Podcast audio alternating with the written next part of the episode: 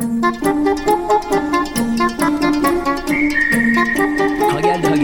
Podcastimizin bugünkü yayınına hoş geldiniz. Ben Aykut. Ben Emre. Ee, bugün bir değişiklik yaptık. Hem bir yandan podcastimizi çekiyoruz hem de yayınımızın öteki tarafında canlı yayında Çağrı Mert Bakırcı var ve e, Evrim Ağacı'yla birlikte bir yayın ortak yayın düzenliyor olacağız. Hoş geldin Çağrı. Selam. Çok sağ ol programımıza katıldığın için. Tabii ki, tabii ki. Ne demek? Memnuniyetle. Çağrı istersen kısaca biraz kendinden bahset. Bizim dinleyenlerimiz de seni biraz öğrensin. Sonra muhabbete başlarız. 2013 senesinde e, Orta Doğu Teknik Üniversitesi Makine Mühendisliği bölümünden e, mezun oldum. Ondan sonra da e, Amerika'ya, e, Texas'a doktoraya geldim. Gene makine mühendisliğine ama hem lisans öğretimim, boy- eğitimim boyunca hem de yani doktoramı yaparken biyolojiden yan e, dal yap, yaptım. Aslında lisansımda bunu e, re- gayri resmi bir şekilde sırf dersler alarak yaptım ama burada doktoramda e, resmi olarak bir yan dala başvurdum, kabul aldım ve e, onu tamamladım zaten. E, hatta üzerine de başka dersler de aldım. Zaten uzun süredir evrimsel biyolojiyle e, ilgileniyorum. İşte 2010 senesinde evrim ağacını başlattık. E, o zamandan beri de işte insanlara e, kendi öğrendiklerimi, kendi bildiklerimi, evrimsel biyoloji alanında yapılan çalışmaları vesaire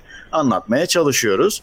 Ee, Benim şu andaki doktora konum da e, evrimsel biyolojinin ya da evrim teorisinin özellikle de matematiksel altyapısının e, mühendislik uygulamaları ve mühendislikte yapabileceğimiz şeyler sayesinde biyolojideki yani evrim teorisi dahilindeki, evrimsel biyoloji dahilindeki e, çalışmalara katkı sağlamak. Yani böyle iki yönlü bir köprü gibi düşünebilirsiniz. Zaten komitemde de çok meşhur evrimsel biyologlardan, matematiksel evrimsel biyologlardan e, Sean Rice var mesela bilenler bi- bilirler evrimsel biyolojiyle ilgilenenler. Beraber ortaklaşa böyle çok ilginç e, bir şeyler yapmaya çalışıyoruz. Genel olarak böyle. Mühendislikten çıkan şeylerin tekrar biyoloji etkilemesinden kastettiğin tam ne? Mesela bizim yaptığımız çalışma bir modelleme üzerine kurulu, simülasyonlar üzerinden çalışıyoruz. Mesela en büyük sıkıntılardan bir tanesi tabii biyolojide genellikle ya doğaya gidip canlıları toplamak gerekiyor ya da mesela canlılar üzerinde doğada hiç dokunmadan gözlem yapmak gerekiyor. Modellemeler de var elbette. Özellikle son dönemlerde e, biyologların bilgisayarla ilişkisinin artması üzerine, matematiğin daha da fazla girmesi üzerine biyolojiye. Ama bizim yaptığımız şey bunun üzerine e, yani evrimsel olarak çok fazla bir böyle simülasyondan yola çıkarak yapılan analiz bulunmuyordu. Yani e, matematiksel işlemlerin grafiğe falan dökülmesi çok yaygındı. Ama bizim yaptığımız, benim şu anda üzerinde çalıştığım şeyde bayağı canlı popülasyonlarını e, modelliyoruz. Birey birey ve bunlar arasındaki, yani bunların zaman içerisindeki evrimini gözleyebiliyoruz. Ve umduğumuz şey doğada, yani tabii ki her simülasyon mutlaka doğa, gerçekten farklı olacaktır. Ta- Tam gerçeği yansıtamayacaktır ama umuyoruz ki bunu geliştirdikçe, bunun üzerine gittikçe e, doğadaki hem doğadaki canlıları rahatsız etmeden, onlara müdahale etmeden e, bu çalışmaları sürdürebiliriz. Hem de e, bazı etik sorunların da üstesinden gelmiş olabiliriz bu canlıların doğadan işte alınması gene aynı şekilde aynı mantık alınması üzerine. Umuyoruz ki bazı tespit ettiğimiz şeyler hem evrim teorisinin matematiğinde tespit edilen şeyleri doğrulamaya yarayacak hem de belki de bazı tespit edilemeyen şeyleri de ortaya çıkaracak. Böylelikle biyolojiyi de geliştirmeyi ya da o alanda da katkı sağlamaya umuyoruz. Simülasyonlar yaparken sadece hayvanlara mı odaklanıyorsunuz yoksa böyle büyük insan topluluklarına odaklanıyor musunuz? Aslında hayvanlara bile odaklanmıyoruz. Canlı değil benim yaptıklarım çünkü. Robot. O da işin ilginç taraflarından bir tanesi. Aslında benim şu anda üzerinde çalıştığım şey hani basit robot modellerinden biri olan çizgi izleyen robotlar üzerine. Ama normalde insanların yapacağı üzere bir tane çizgi izleyen robot üretip de işte onun e, hassas ayarını yapmaya çalışmak yerine benim yaptığım bir robot popülasyonunu simüle etmek. Her biri çizgi izleyen robotlar olan ama çizgi izlemeleri gerektiğini bilmeyen robotlar bunlar. Herhangi bir ön bilgileri ya da yani donanımları var hani e, simülasyonda. Yani mesela adamlara tabii hiç siyah beyaz sensör vermeksizin hadi çizgiyi izle demiyoruz. Bir siyah beyaz sensörü var ama o siyah beyaz sensöründen gelen bilgiyi ne nasıl kullanacağını bilmiyorlar ve buna dair hiçbir yazılımsal altyapıları da yok. Ee, Bizim yaptığımız bu popülasyonun evrimini takip etmek. Çünkü bizim için uyum başarısı tanımlıyoruz. Tıpkı evrimde canlıların uyum başarısı olması gibi. O uyum başarısı çizgi üzerinde en uzun kalıp en hızlı hareket eden ve mümkünse bizim verdiğimiz patikayı baştan sona e, tamamlayabilen robotlar. Bunu yapabilenler arasından seçip işte mutasyonlarımız var, işte çiftleşme var. Bizim robotlarımız çiftleşiyorlar falan. Çok çılgın bir şey. Hani böyle bir canlı olsaydı onu modellemiş olacaktık ama böyle bir tabii çizgi izleyen robot diye bir canlı yok. Temelden yola çıkarak yaptığımız çalışma. Daha sonra önce belki basit canlı popülasyonlarına mesela işte bu Xenoraptidus gibi e, yuvarlak solucanlara falan belki önce uyarlanabilir. Sonra giderek daha karmaşık yapılara da uyarlanabilir diye ümit ediyorum. Bu bahsettiğim biraz bu kompleks sistemleri anlamak için yeni bilgisayarlarla vesaire çıkmış manları kullanıp farklı simülasyon yöntemlerini kullanmaya bağlı değil mi? Çok benziyor. Evet. Tabii yaklaşımlar arasında eminim farklılıklar vardır ama genel mantık aynı evet. Hı. Anladım. Sen böyle garip işler yapan robotları incelerken şey düşünüyor musun? Ya işte bin tane robot bunlar böyle yavaş yavaş çiftleşecekler, evrilecekler falan çizgiyi takip edecekler. Böyle ins- insanlara baktığında da böyle ya işte bu insanlar da çiftleşecekler, para kazanacaklar. Sonucunda bir yerlere evrilecek bu toplum gibi düşünüyor. Yani o, o tür bir e, perspektif kazandırıyor mu sana? Özellikle evrimsel biyolojinin teorik altyapısını öğrenmeye ya da uygulamaya başladıkça etrafınıza baktığınız zaman da sadece biyolojik olarak da değil tabii kültürel olarak da çok benzer şeyler olduğunu e, görüyoruz ki bu da evrimsel biyolojinin yükselen sahalarından bir tanesi kültürün evrimi konusu. Bu açıdan da baktığımızda çok ilginç benzer altyapıda çalışan, benzer şekilde çalışan süreçler görmek mümkün etrafımızda her an. Mes- Yani mesela, o şeyi mesela? kazandırıyor evet diyebilirim. Ör- örnek var mı aklında verebileceğin? Mesela yeni bir kitap yayınladık. İşte o kitapta da aslında bahsediyoruz arkeolojiyle ilgili bölümümüzde kültürün evriminden. Ve orada e, sözünü ettiğim şeylerden biri aslında çok ilginç. Hepimizin muhtemelen gördüğü şeylerden biri bu sosyal medya üzerindeki memler. Ee, işte bir tanıdık bir figür şaşalı ya da şaşırtıcı ya da çok beklenmedik bir laf ediyor. Kemal Kılıçdaroğlu'nun mesela e, söylediği söz geçenlerde bu referandumla ilgili olarak doğru bulmuyoruz mu ne mesela bir şey demiş işte e, o da e, böyle şimdi her yerde kullanılıyor. Ama ya da mesela tabii diğer siyasi kimliklerin de söyledikleri şeyler, işte yaptıkları el hareketleri, oturuş biçimleri falan bunlar aslında kültürün parçaları. Şimdi e, her şeyi bir kenara bırakırsak siyaseti, tarafları bilmem neyi sonuçta bu insan davranışı ve o insan bir insanın davranışı bir topluma mem olarak dahil oluyor. İşte mem dediğimiz şey de küçük kültür parçaları gibi düşünebilirsiniz. Kültürümüze enjekte olan küçük parçalar. Şimdi bunların birçoğu aslında günümüzde sürekli karşılaşıyoruz ama neredeyse hepsi yok oluyor. Çünkü toplum içerisinde yer bulamıyor kendisine. O da neden öyle daha gerçek bir şey söyledim o yüzden daha iyi yer buldu değil. Kesinlikle ki bu da çok ilginç bir şey. Yani uyum başarısını mesela biyolojiyle hemen kontrast yaparsak biyolojide hep böyle hani derler ya en güçlünün hayatta kalması. Halbuki güçten kasıt orada fiziksel güç değil uyum başarısı. Yani en küçük bir e, solucan bile koskocaman bir aslan kadar başarılı çünkü ikisi de hayatta kalabilmiş, üreyebilmiş, günümüze kadar ulaşabilmiş. İşte o memlerde de doğruluk işte bizim üstün ideallerimizi destekleyen şeyler falan filan değil. Toplumun kabullendiği ya da onların beyninde yer edebilecek şeyler e, tutunuyor toplumda. Sonra gördüğümüz şey bu enjekte oluyor. Yani resmen bir soy hattı başlıyor o kişinin meminin topluma dahil olmasıyla. Ama sonra dallanmaya başlıyor. İşte biri onu gidiyor atıyorum. Yani bizim kitapta verdiğimiz örnek mesela e, Obama ile ilgili bir şeydi. Bu işte Obama Care'ı geçirmeye çalışırken o zamanlarda onu şey yaparken e, e, Facebook bir araştırma yaptı bu kültürün evrimi üzerine. Çok ilginç. Kendi bünyesinde paylaşılan e, bununla ilgili konular hakkında. Oradan yola çıkan insanlar kimi gitti Miley Cyrus'ın işte o twerk dance denilen şeyle birleştirdi. Kimi gitti Star Wars'a dahil etti. O Obama bir, bir laf söyledi işte insanların sağlığa hastaneye vereceği parası olmadığı için ölmelerini göze alamayız ya da e, toplumumuzda bu tip ölümlerin olmasını göze alamayız falan gibi bir şey söyledi. Mesela orada birisi aldı dedi ki işte e, Han Solo'nun Jabba the Hutt'a para verememesinden ötürü karbonitle dondurulmasını göze alamayız. Yani mutasyona uğruyor bu temel kök ve değiştiriliyor.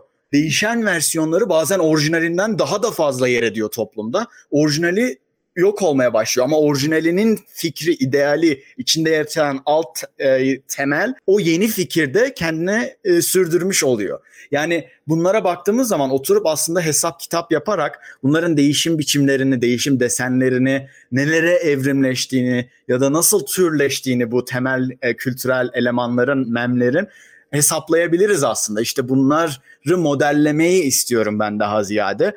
Ee, bunu da benim yapma sebebim şey e, temelim e, şeyden robotlar üzerinden ama herhangi bir toplumsal süreci bile modellemek mümkün olabilir. Yani o, o açıdan. An, şey. Anladığım kadarıyla buradan yola çıkarak şeyi düşünüyorum şimdi. Ee, hani user generated content'i konuşurken ya da işte bu viral olan içerikleri düşünürken bu evrim e, teorisini ve evrimleşme sürecini iyi anlayan bir işte reklam ajansı ya da ekip aslında o Kesinlikle. içeriği çok iyi bir şekilde üretip e, evet. çok daha farklı yerlere yönlendirebilir. E, işte en son zaman aslında e, gördüğümüz örneklerden biri belki de Salt Baya'ydı galiba.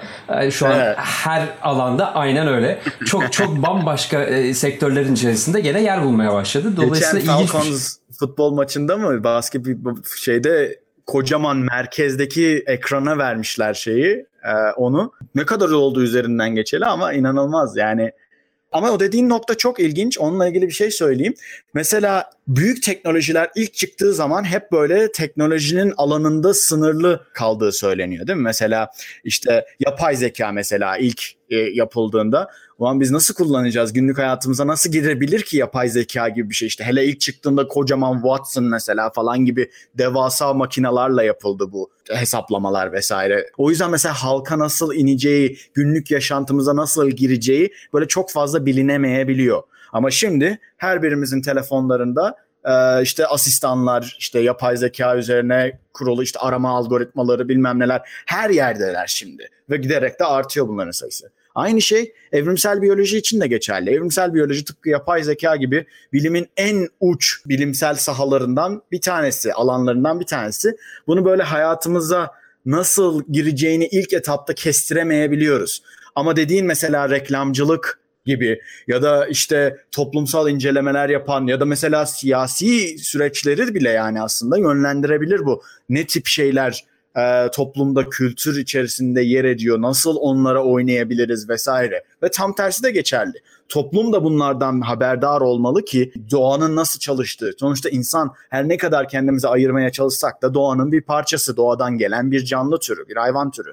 Dolayısıyla bunun nasıl çalıştığını anlamak da aslında kişiye o kattığı yaşam görüşü, o e, perspektif çok önemli. Yani böylelikle kendimizi de bu tip uç bilimleri kullan hani korkuyoruz ya işte yapay zeka ya bizim e, verilerimizi çalarak bir şey yaparsa işte her şeyi işleyebilir ya bizi hani şey diyorlar mesela işte metadata kullanılıyor. Datanın kendisi yani mesela sen e, telefonu açıyorsun diyelim ki e, biriyle konuşuyorsun ama o konuştuğun kay, kaydı tutulmuyor diyor. Dolayısıyla endişelenme. Yani onun kaydı tutulmuyor ama şu telefondan bu telefona bir arama yapıldığı kaydı tutuluyor.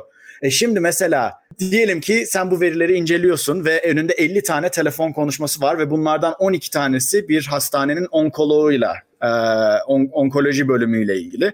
Ondan sonra internet aramalarının %30'u e, işte Wikipedia'da kanserle ilgili ve kanserin tedavisiyle ilgili e, şeyler ve e, Google Maps'teki verilerinin e, takip ettiğimizde son 3 ay içerisinde 7 defa e, hastaneye gitmişsin mesela. Orada ya check-in yapmışsın ya da yapmamışsın bile. Çünkü location'ını açık unuttuysan e, ya da bıraktıysan.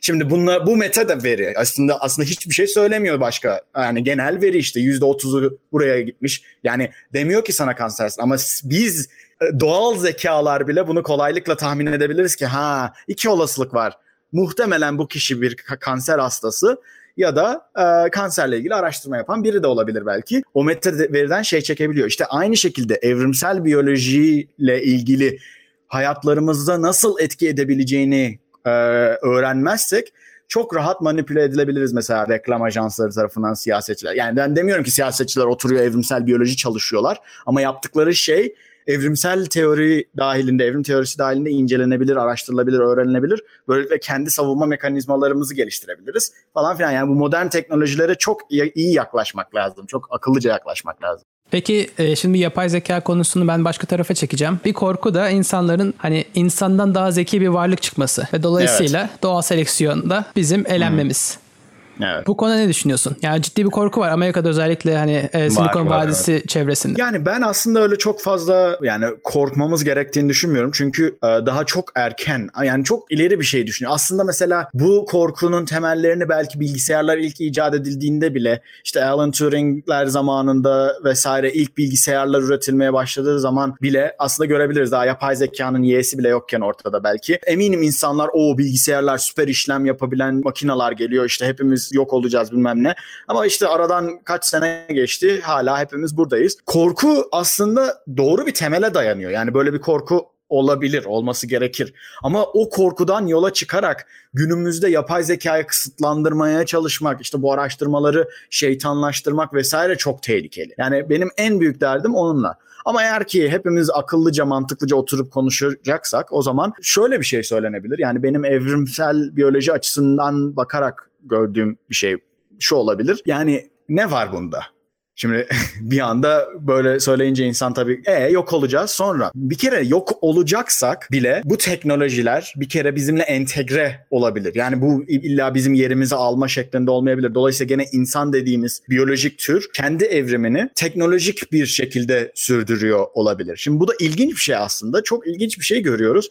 Normalde e, türler vahşi doğada evrimleşiyorlar ve bunun temel sorumlusu işte hayatta kalma ve üreme üzerine. Ve bir de bazı başka diğer yan e, şeyler var işte genetik sürüklenme vesaire vesaire. Bu şey insanda tıkanma noktasına geldiğini görüyoruz. Yani işte hastanelerimiz, teknolojimiz, bilimimiz sayesinde doğal seçilimi büyük oranda kırdık. İşte cinsel seçilimi de üremeye yönelik ve işte eş seçimine yönelik evrimi de halen devam ediyor ama doğal seçilim olmaksızın tabii ki hızı ve yönü birazcık daha böyle muğlak oluyor. Dolayısıyla bir böyle duraksama noktasındayız ama durma demiyoruz hiçbir zaman çünkü mutlaka insanın evrimi daha dün konuştuk bunu. Devam ediyor genlerde görebiliyoruz halen ama bu böyle vahşi doğadaki kadar ölüm kalım mücadelesi şeklinde değil. Şimdi insanın belki de önümüzdeki evrimsel yolu bu şekilde kendi beyninden kaynaklı ürünlerin güdümünde ve, ve açtığı yolda meydana gelecek olabilir. Mesela hemen başka bir e, konuya buradan dal yapmak gerekirse şimdi uzay yolculuklarını işte hayal ediyoruz. Mars'a gideceğiz. işte umuyoruz ki Güneş sisteminin dışına gideceğiz. En yakın yıldızlara gideceğiz bilmem ne vesaire. Şimdi en iyi teknolojilerle bile bu yolculuklar çok uzun zamanlar alacak. Değil mi? Dolayısıyla oralarda diyelim ki teknolojimiz el veriyor ve koloniler inşa edebiliyoruz. Orada toplumlar oluşturuyoruz vesaire vesaire gayet güzel. Ama ne olursa olsun fizik halen sınırlandırıcı bir unsur olacak. Yani A ile B noktası arasındaki mesafe her zaman bir sıkıntı. O mesafe öyle ortadan kalkmayacak. İster solucan deliği kullanın. Yani sonuçta bir mesafe olacak. Bir zaman geçmesi gerekecek. Bu da yayılma miktarımıza bağlı olarak izolasyonlara neden olacak. Yani bizim gezegenin mesela dünyada kalanlar ile işte bir Aldebaran'a gidenler arasında çok ciddi bir coğrafi izolasyon olacak. Tıpkı doğada bir nehrin akışının yön değiştirmesi, bir dağın iki eteğinde kalan eskiden bir popülasyon olup da iki popülasyona ayrılan canlılar gibi. Ve o ortamlarda da ciddi fizik şey e, yani o ortamlar ciddi bir şekilde farklı olacak dünyanınkinden. Ne kadar terraforme edersek edelim, ne kadar dünyalaştırırsak dünyalaştıralım gene de belli başlı farklılıklar olacak. Belki hiç beceremeyeceğiz. Adapte olmamız gerekecek. Belki tıbbımız bir anda geri kalacak. Orada ortaya çıkan hastalıkları e, tedavi edebilmek için. Dolayısıyla ölüm oranları artacak. Doğal seçilim geri gelecek tekrar üzerimize. Genetik farklılıklarından dolayı giden astronotlar, giden kolonistler arasından en uyumlular belki hayatta kalacaklar. Çünkü o yani biz de öyleydik. Bizim vahşi atalarımız da böyle birden insana benzer bir canlı evrimleşti. Sonra gittiler işte bir resort otelde tatil yapmaya başlamadılar. Biz de canımızla da dişimizle mücadele ederek bugünlere geldik. Varlığımızı koruyabildik. Aynı şeyler her ne kadar işte müthiş teknolojilerden falan söz ediyor olsak da bu kadar büyük atılımlar yapmaya başladığımız zaman o bir gap işte bir boşluk oluşabilir teknolojimizle erişmeye çalıştığımız şeyler arasında. İşte bunlar belki insan evrimini tetikleyecek şeyler olabilir ileride. Bu izolasyona bağlı olarak dünyada kalanlarla belki binlerce yıl tekrar iletişim kurulmayacak onlarla. Belki hani biz şey olmayacak ki bir teknolojik tıpkı işte az önce yaptığım dediğim gibi birden resort otele geçmeyeceğimiz geçmediğimiz gibi bir gemi inşa ettik hop artık Aldebaran'a gidip gelebiliyoruz öyle olmayacak. Muhtemelen işte 200 kişilik bir koloniyi göndereceğiz oraya ve onlar orada kalacaklar orayı terraforme etmeye çalışacaklar orada varlık mücadelesi verecekler. Bizim haberimiz bile olmayacak çünkü bir sinyal gönderdiğimizde işte 10 ayda gidip ya da 3 yılda gidip 3 yılda geri mesaj geliyor. Dolayısıyla çok uzun zamanlar sıkıntılar baş gösterecek. Belki işte bir türleşme bu şekilde var olabilir ileride ilerleyen dönemde. Artık Homo sapiens mesela iki ayrı türe ayrılabilir bu zaman arttıkça. Bir de işte galaksinin farklı yerlerine dağılmaya başlarsak, e, becerebilirsek eğer onu, e, o zaman çok çılgın evrimsel işte evrimsel biyoloji o zaman çok önemli olacak. Her birimizin günlük yaşantısının bir parçası olacak diyebilirim o zaman. Eğer biz e, işte uzaya gitmeye başlar ve burada farklı yerlerde kolonileşmeye başlarsak asıl orada yaşayacağımız şeyler galiba bizi korkutacak şeyler olmalı gibi. Şimdi tabii o soruya geri dönecek olursak yapay zekadan korkmalı mıyız? Yani e, aslında teorik olarak yapay zekanın bizim kontrolümüzden çıkması mümkün. Böyle bir olasılık var. Hani bazıları diyor ki fişi çekerim ya ne var bunda? Ya hadi canım. Şey mesela en en basitinden en kritik e, nokta e, yapay zekanın internete ulaşması mesela. Bütün interneti mi keseceksiniz? Tamam bütün interneti kestiniz diyelim ki. Gene de e, lokal olarak kendini depolayabilir ve ne zamanki bir bağlantı kurulursa kendini kopyalayarak yani ya bütün teknolojimizden vazgeçeceğiz yapay zeka korkusuyla ya da bunu kontrol altında tutmayı, bunu anlamayı öğreneceğiz. Yani ikisinin arasında bir yol yok gibi. Dolayısıyla bana kalırsa öyle yapay zekadan korku ko- korkmanın pek bir anlamı yok. Olabildiğince iyi bilim insanları yetiştireceğiz. Yapay zekanın şöyle bir şey var. Mesela Twitter botu e, botunu düşünecek olursanız mesela daha ilk gün içerisinde ırkçılığa evrimleşti mesela. Şimdi bu yapay zekanın içsel olarak ırkçı olmasından değil, öğretmeninden kaynaklanıyor. O öğretmen de biziz. Yani biz neysek yapay zekada o olacak. Dolayısıyla aslında birazcık ironik olur eğer yapay zeka ile yok olursak. Yani böyle hani bizden sonra gelip de bizi inceleyenler nasıl bir tokat yediğimizi çok güzel anlamış olurlar. İşte o kadar dünyaya yani kök söktüren o kadar e, bir tür e, ki doğanın içinden gelmesine rağmen kendisinden doğan bir unsurun tıpkı bizim doğadan gelmemiz gibi unsurun etkisiyle yok oldu. Bu çok ironik olur aslında. Yani böyle o biyolojinin şiirselliğine çok güzel oturur. Bence çok da kötü bir şey olmaz. Umuyorum ki yapay zeka da kendi yolunu çizebilecektir ondan sonra falan filan. Ama bunlar dediğim gibi çok çok uzak şeyler. Yani bence çok aceleci düşünüyoruz korkarak. Sadece işin teorisini anlamak lazım. Pratiğini iyi uygulamak lazım.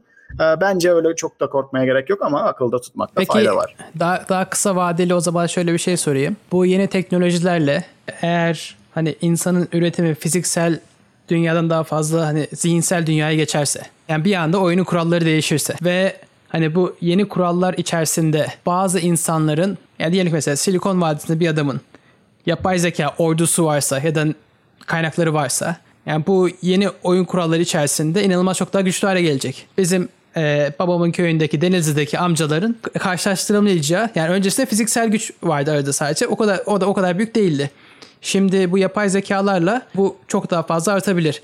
Ve bir anda e, oyunun kuralları değiştiği için uyum sağlayan insan değişecek ve insan evrimi, e, toplum evrimi diyelim. Toplum evrimi çok daha farklı bir yöne gidebilir. Yapay zekalardan kasıt yapay zekalı askerler, robotlar gibi şeyler. Ee, Yoksa o olabilir ya da yani mesela hani kendi kendine e, sorun çözen, ürün üreten yapay zekalı olduğunu Yani düşün. aslında o fark şu anda da çok yüksek. Yani mesela Amerika'nın ürettiği bilimle işte bizim Denizli'deki amcaların ürettiği bilim arasında gene hala çok büyük bir fark var zaten. Ama e, tabii yani ya şöyle bir şey var işte. Biyolojik olarak baktığımız zaman bizim kültür şeyimizin, teknolojimizin konumu çok da aslında önemli önemli olmuyor. Çünkü biyolojik evrimimize etki eden şeyler eğer ki bizim hayatta kalmamıza ve ürememize etki ediyorsa ancak evrimsel bir anlama sahip oluyor ve bir de o da yetmiyor. O teknolojinin bizim genlerimizle bir alakası olması gerekiyor ki hayatta kalanların genleri aktarıldı. Dolayısıyla o işte hayatta kalmaya neden olan teknolojiyle o genler arasındaki ilişki gelecek nesle aktarılmış oldu. Ama böyle bir şey yok. Anca belki işte zorlarsak zeka geni bilmem ne falan filan gibi şeylerden doğduğunu varsayarsak bu uç teknolojilerin belki o zaman bir ilişki kurmak mümkün olabilir ama çok zayıf olacaktır o ilişkide bana kalırsa. O nedenle bu uzay gezegenler arası ya da galaksiler arası e, izolasyonu örnek verdim. Çünkü orada cidden fiziksel olarak oraya gitmek var, izole olmak var, üremeye devam etmek var. Farklı ortam şartları var. Muhtemelen farklı mutasyon koşulları da var olacak. Farklı radyasyon, işte farklı kimyasallar vesaire. Bu tip bir şey anca evrime yön verebilir. Ama dediğin gibi toplumun evrimi, kültürün evrimine e, odaklanacak olursak evet çok yani düşünsene şimdi 100 sene boyunca yapay zekanın çözdüğü şeyleri analiz etmekle geçiren bir toplum bir de 100 sene boyunca kendi zekasıyla, kendi e, kültürüyle, kendi perspektifiyle o ikisinin bakış açısı, dünyaya bakış açısı öğrendikleri şeyler arasında devasa bir fark olacak. Dolayısıyla dediğin doğru. İşte o yüzden birazcık da bu açık kaynak falan gibi girişimler çok önemli ki e, o toplumlar arasındaki o fark o kadar büyümesin. Her şey e, o e, parasını verene vereceğiz şeklinde değil. Bizim işte Hakkari'deki, Denizli'deki, İzmir'deki, Ankara'daki e, programcılarımız da mühendisler de onlara erişir, erişsin, kullansın, işte e, kendi sistemlerini geliştirsin vesaire. O çok önemli. Eğer olmazsa bunları desteklemezsek evet dediğin şey olacak ve onun tabii e,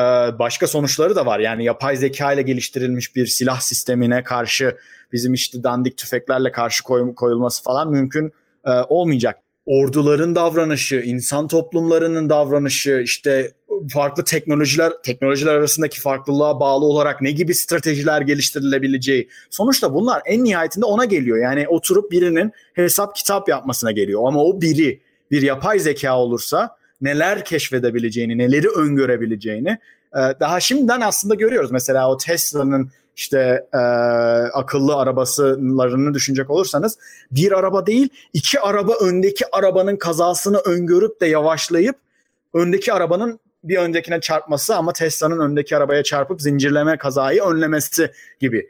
Bu hesap gücü arttıkça, işlem gücü arttıkça, yapay zeka işin içine dahil oldukça ne yaparsanız yapın kısıtlı doğal zeka olarak, insan zekası olarak yapay zeka her zaman onun bir üstünü yani mesela bunu şeyde görüyoruz işte e, satrançta, Go'da görüyoruz. Bunlar da strateji oyunları.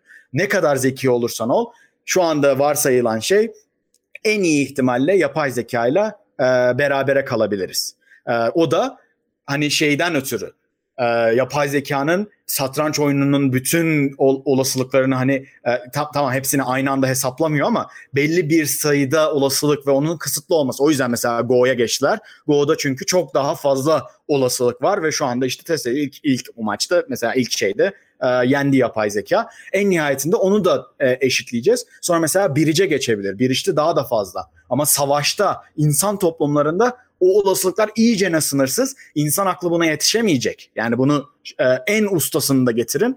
En usta stratejisi de getirin. Yapay zekayla e, kıyas baş edememeye başlayacak. E, dolayısıyla e, makine öğrenmesi falan geliştikçe o dediğin e, farklılık cidden çok ciddi e, değişimlere neden olacak diye tahmin ediyorum ben. Evet. Yapay zekanın işte bahsettiğin gibi daha akıllı bir şey yapabilmesi ve hani onun onun derse bizim hayal edemeyeceğimiz kadar akıllı bir şey olması düşünürken geçen şey oldu. Bu da göçmenlik için işte tıbbi test, teste girmek için bir yere gittim.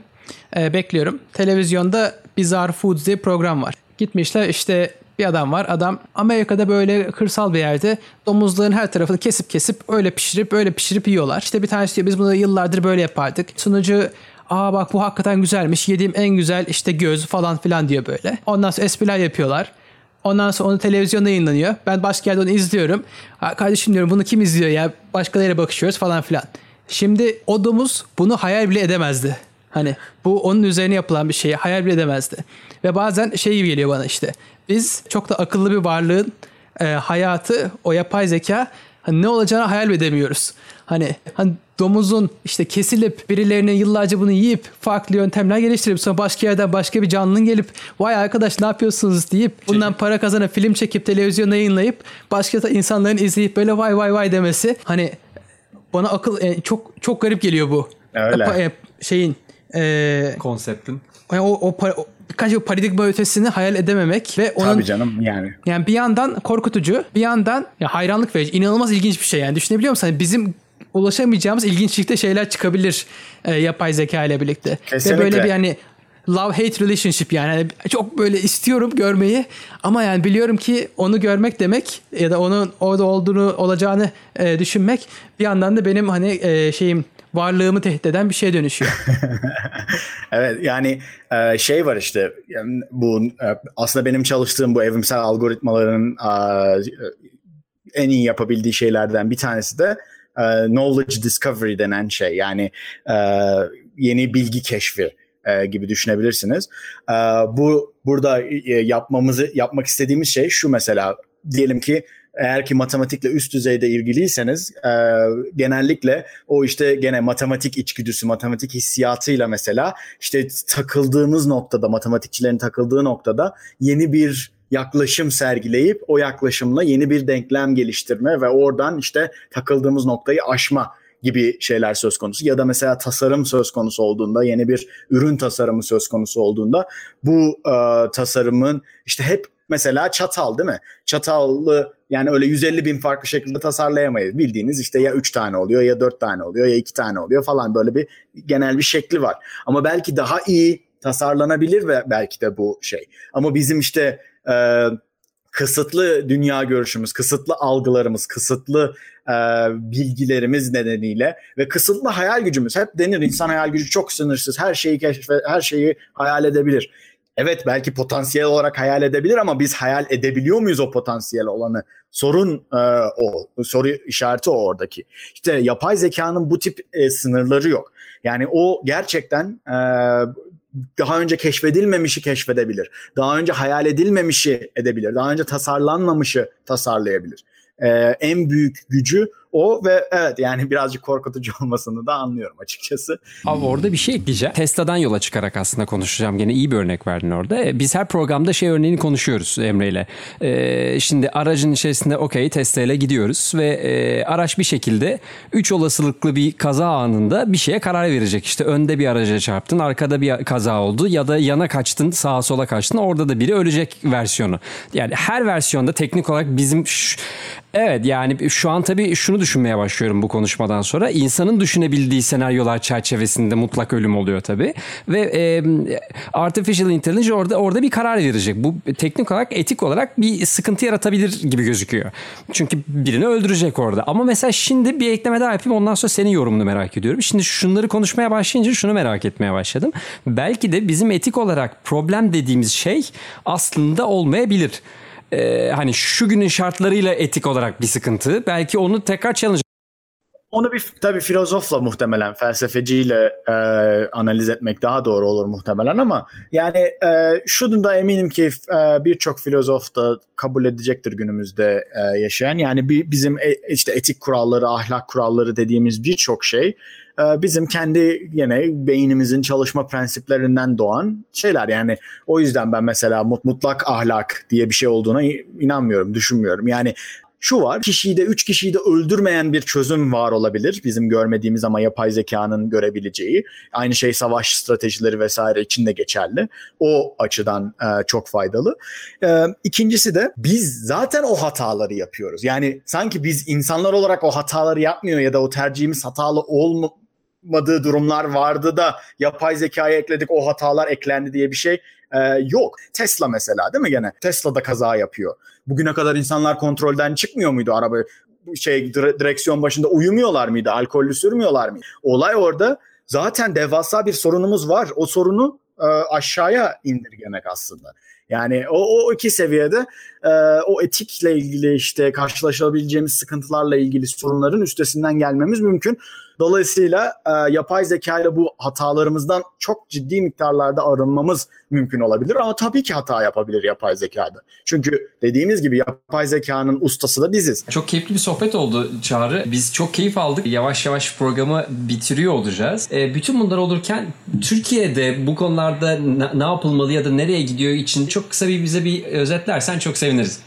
Evet, bu çok güzel bir soru aslında. Çok oturup düşünmemiz gereken bir soru ve çok eksiğimiz olan bir soru. Birincisi yazılım, programlama. Öğrenmek zorundayız. Çünkü buradan başlıyor her şey. Yani bir kere yazılım öğrenmenin, dil, programlama dilleri öğrenmenin en önemli şeyi insana analitik düşünmeyi öğret. Adım adım bir problemi nasıl çözersiniz? Bunu öğretmesi çok önemli. Bu insanın sadece işte CV'sine ekleyeceği bir şey değil, dünya görüşüne katkı sağlayan bir şey.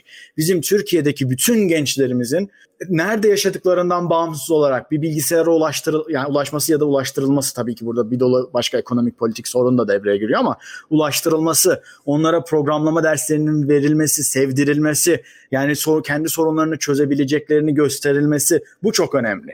Bunu yaptığımız zaman çünkü başlıyor o düşünme şey işte aa bak ben aslında şu veri setini alırsam bu veri setini şu algoritmayla değerlendirip şöyle bir sonuç bulabilirim. O yüzden e, programlamayı bizim Türkiye'de öğrenmemiz gerekiyor. İkincisi siyasi liderlerin işte öncü olan kişiler, öncü olduğunu umduğumuz, olmasını istediğimiz kişilerin çıktıkları zaman işte bu Amerika'da gördüğümüz, Avrupa'da gördüğümüz gibi insanların gözünün içine bakarak siz programlayabilirsiniz. Siz programlama öğrenebilirsiniz. Bizim geleceğimiz sizlersiniz. Ee, işte cloud sistemleri, bulut sistemleri, e, yapay zeka sistemleri, makine öğrenmesi, evrimsel algoritmalar. Bizden niye çıkmıyor bunlarla ilgili büyük isimler? Biz de yapabiliriz. Sizin için şu ücretsiz hizmetleri vereceğiz demesi lazım. Yani bu teşvikin olması gerekiyor. Bu teşvik yoksa kişilerin organize olarak yani halkın organize olarak beraberce bu eğitimleri vermesi bilen bilmeyene öğretsin şeklinde. Biz öyle yapıyoruz Evrim Ağacı'nda. Yani aynı şey yazılım için de geçerli. İnsanlarımız birbirine öğretecekler. Gidip dersler neyse ki günümüzde YouTube'lar var işte bir dolu e, programlar var. Bunları ortaklaşa yapacağız. Dayanışma içerisinde kendimizi geliştirebiliriz. Bir güzelliği bu teknolojinin zaten bunlar. Girin bir Coursera'ya yani yapay makine öğrenmesinin temellerini 12 haftada öğrenebilirsiniz. Para veremiyorsanız ona e, başvuruda buluyorsunuz. Ücretsiz de veriyorlar. Yani müthiş şeyler. Sonrası açık kaynak kodlu yazılımlar var. Açık üniversiteler var. Buralara girebilirler. İşte Evrim Ağacı sizler gibi insanlara ulaşabilirler. Bu şekilde bir yerlere geleceğiz. İnsanlarımızın şunu anlaması lazım. Kimseye ihtiyacımız yok. Kimseye. Ee, bir yerlere gelebilir. Hep birlikte çalışmamız gerekiyor ama. Yani günümüzdeki sistemde paran varsa bir yerlere gelebiliyorsun. Ama ikinci bir opsiyon var. Birlikte çalışırsak da bir yerlere gelebiliriz. Benim vereceğim bu yayını dinleyenlere verebileceğim en temel mesaj bu. Çok teşekkür ederiz Çağrı. Yani hem son ben verdiğim mesaj gerçekten çok önemli bence. Hem Türkiye'de bizi izleyenler için de çok kritik olduğunu düşünüyorum. Hem de program boyunca gerçekten çok güzel şeyler dinledik. E, bu konularda sorusu olan, yorumu, görüşü olan varsa e, dinleyicilerimiz arasından da lütfen Çağrı Mert'e e, ve Evrim Ağacı'na ulaşsın, takip etsin. E, orada soruların yanıtlarını bulabilir. E, çok keyifli bir sohbet oldu. Çok teşekkür ederiz evet, Çağrı. benim için de. Çok teşekkürler arkadaşlar. İyi ki yaptık bunu. Çok iyi oldu. Tamamdır. Çok teşekkürler Çağrı. Dinleyicilerimize de teşekkür ediyoruz. Ee, bugün bizi dinlediğiniz ve takip ettiğiniz için. Bu program şu an canlı olarak Evrim Ağacı'ndan yayınlanıyor. Daha sonrasında hem Evrim Ağacı'nın YouTube kanalında bunu izleyebiliyor olacaksınız. Hem de e, akabinde e, Ha Geldi Ha Gelecek podcast serilerinin arasında da e, sesli olarak da kaydımızı yayınlamış olacağız. Oradan da takip edebilirsiniz. E, sorularınız, görüşleriniz varsa lütfen bize ulaşın. Dinlemeye devam edin ve sosyal medyada paylaşmaya devam edin. Neyse ben teşekkür ederiz. giderim bu yüzden. Hoşçakalın. Görüşmek üzere. Beni ışınla ışınla heyecanla, enerjile.